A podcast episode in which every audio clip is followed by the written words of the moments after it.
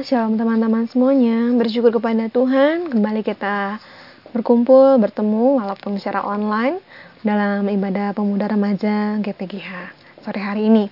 Mari sebelumnya kita berdoa terlebih dahulu. Bapak kami bersyukur untuk kebaikan kemurahan Tuhan dalam kehidupan kami. Dan Tuhan, sore hari ini kami kembali ingin diisi dengan kebenaran firman Tuhan. Kiranya firman Tuhan boleh jadi kekuatan, boleh menjadi remah, dalam kehidupan kami sehari-hari. Pimpinlah ya Tuhan dari awal sampai akhir dalam nama Yesus kami bersyukur. Haleluya. Amin. Senang sekali saya bisa berbagi dengan teman-teman saat sore hari ini.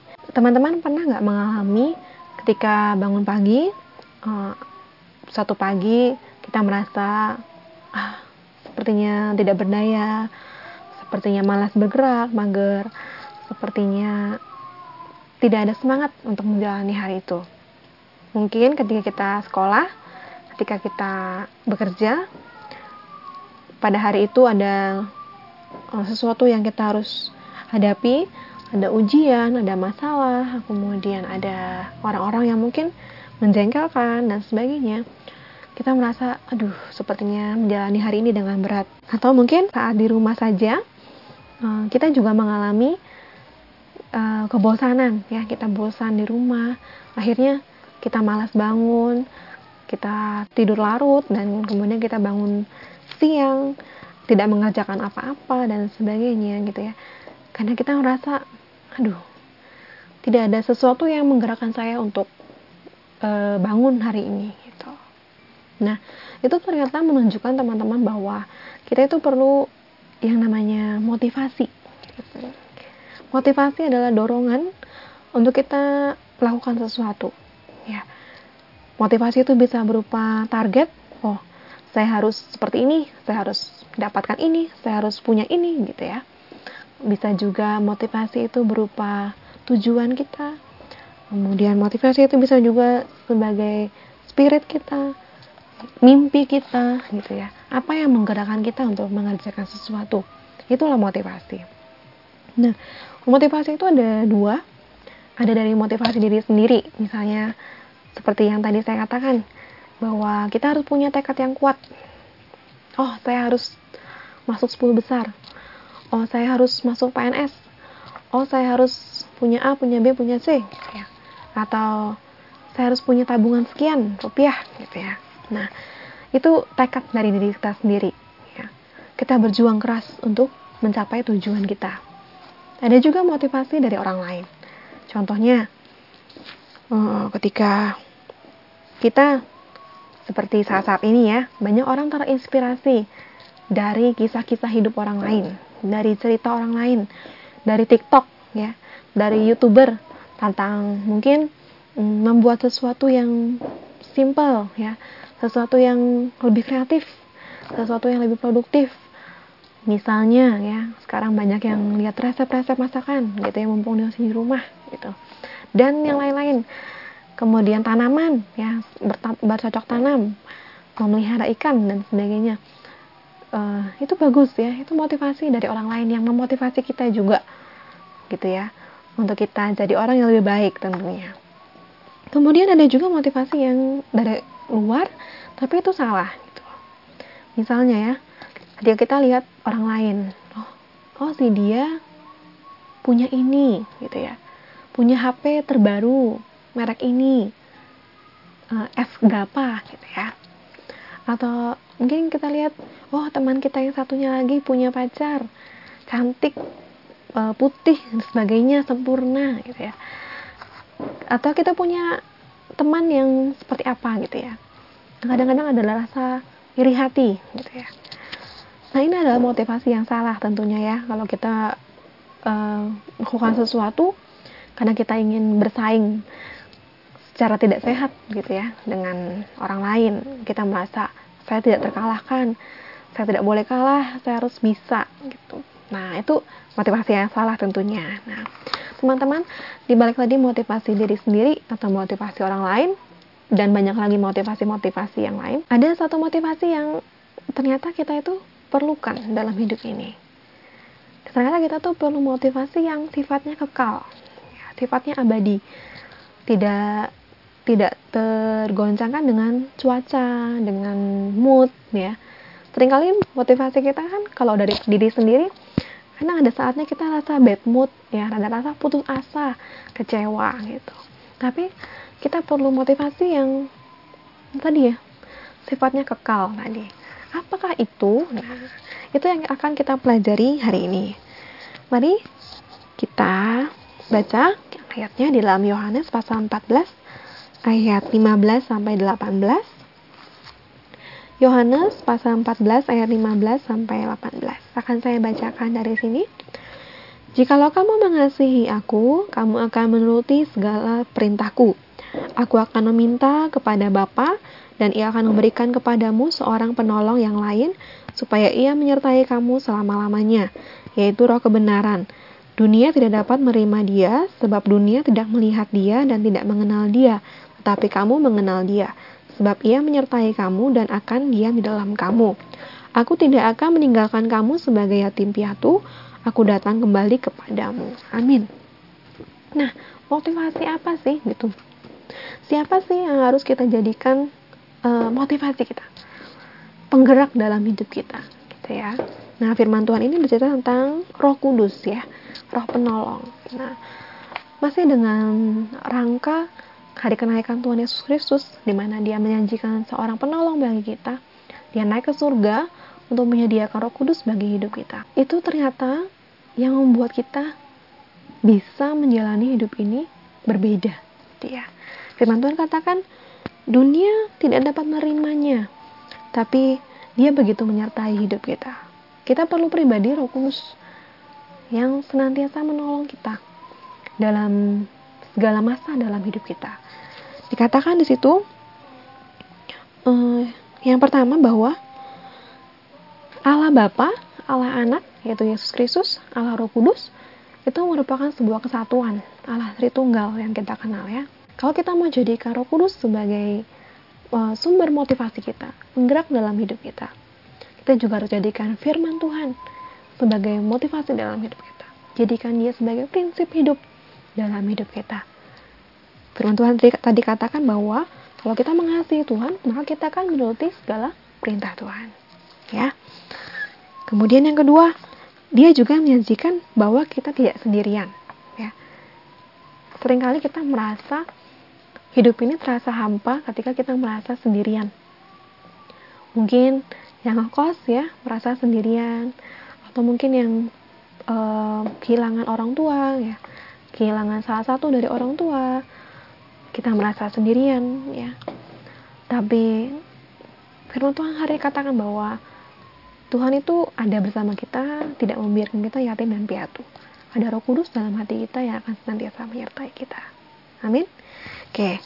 Kemudian yang ketiga teman-teman kita akan baca lagi di ayat yang ke 26 dan 27 dari Yohanes pasal 14 ayat 26 sampai 27 tetapi penghibur, yaitu Roh Kudus yang akan diutus oleh Bapa dalam namaku, dialah yang akan mengajarkan segala sesuatu kepadamu dan akan mengingatkan kamu akan semua yang telah kukatakan kepadamu. Damai sejahtera ku tinggalkan bagimu, damai sejahtera ku kuberikan kepadamu, dan apa yang kuberikan tidak sama seperti yang di diberikan oleh dunia kepadamu. Janganlah gelisah dan gentar hatimu. Amin. Ya, firman Tuhan ini juga saya menyampaikan di bagian yang ketiga bahwa uh, dia akan mengajar kita tentang apa yang harus kita lakukan. Nah, ini tadi yang saya maksud dengan memotivasi hidup kita, menggerakkan hidup kita. Kalau kita hidup berdampingan dengan Roh Kudus, kalau kita mau melibatkan Roh Kudus dalam setiap hari-hari kita, setiap hari, nah, kita percaya bahwa Dia akan mengajar kita apa yang harus kita lakukan, kemudian mengingatkan kita apa yang harus kita kerjakan, apa yang harus kita pikirkan. Roh Kudus itu adalah sumber hikmat yang akan mengajarkan kita. Oh, saya mau bikin apa ya? Gitu ya. Oh, mungkin hari-hari ini uh, cari uang susah ya. Berdoa sama Tuhan. Apa ya yang harus saya bisa lakukan? Ya. Karena banyak orang-orang yang kreatif ya. Bikin kue kering pakai masker corona gitu ya. Itu salah satu ide yang kreatif ya. Dan uh, Roh Kudus dia akan mengajarkan kita Kemudian dikatakan damai sejahteranya itu tidak seperti dunia ini. Nah, seperti yang saya katakan di awal, kalau kita jadikan motivasi dunia ini sebagai motivasi kita, kita akan kecewa, kita akan putus asa, kita akan mut-mutan, hari ini oke, okay, hari besok malas, dan sebagainya. Tapi kalau kita jadikan roh kudus sebagai partner hidup kita, yang menggerakkan hidup kita setiap hari, kita akan bangun dengan lebih bersuka cita. Kita akan bangun dengan lebih bergairah.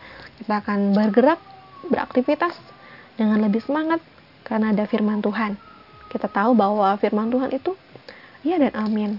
Firman Tuhan itu bukan hanya untuk hidup saat yang akan datang, tapi untuk hidup saat ini dia sangat berguna. Ya.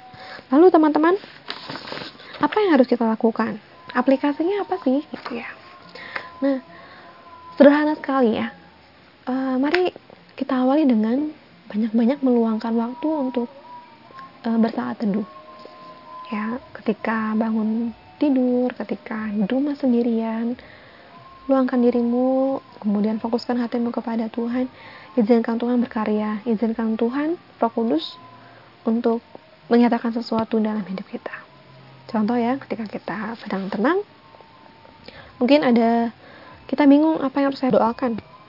Bagaimana caranya saya memulainya dengan doa? Ya, berdoa saja gitu ya. Bersyukur kepada Tuhan.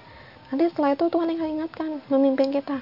Kadang mulut kita bisa ngoceh ya, mengatakan doa-doa yang tidak tersusun sebelumnya gitu ya. Kok setelah kita bilang amin kok bisa ya saya mendoakan si A yang mungkin sudah berpuluh-puluh tahun tidak ketemu? Kemudian kok bisa ya saya ingat sama si B gitu ya? Ya itulah pekerjaan roh kudus ternyata.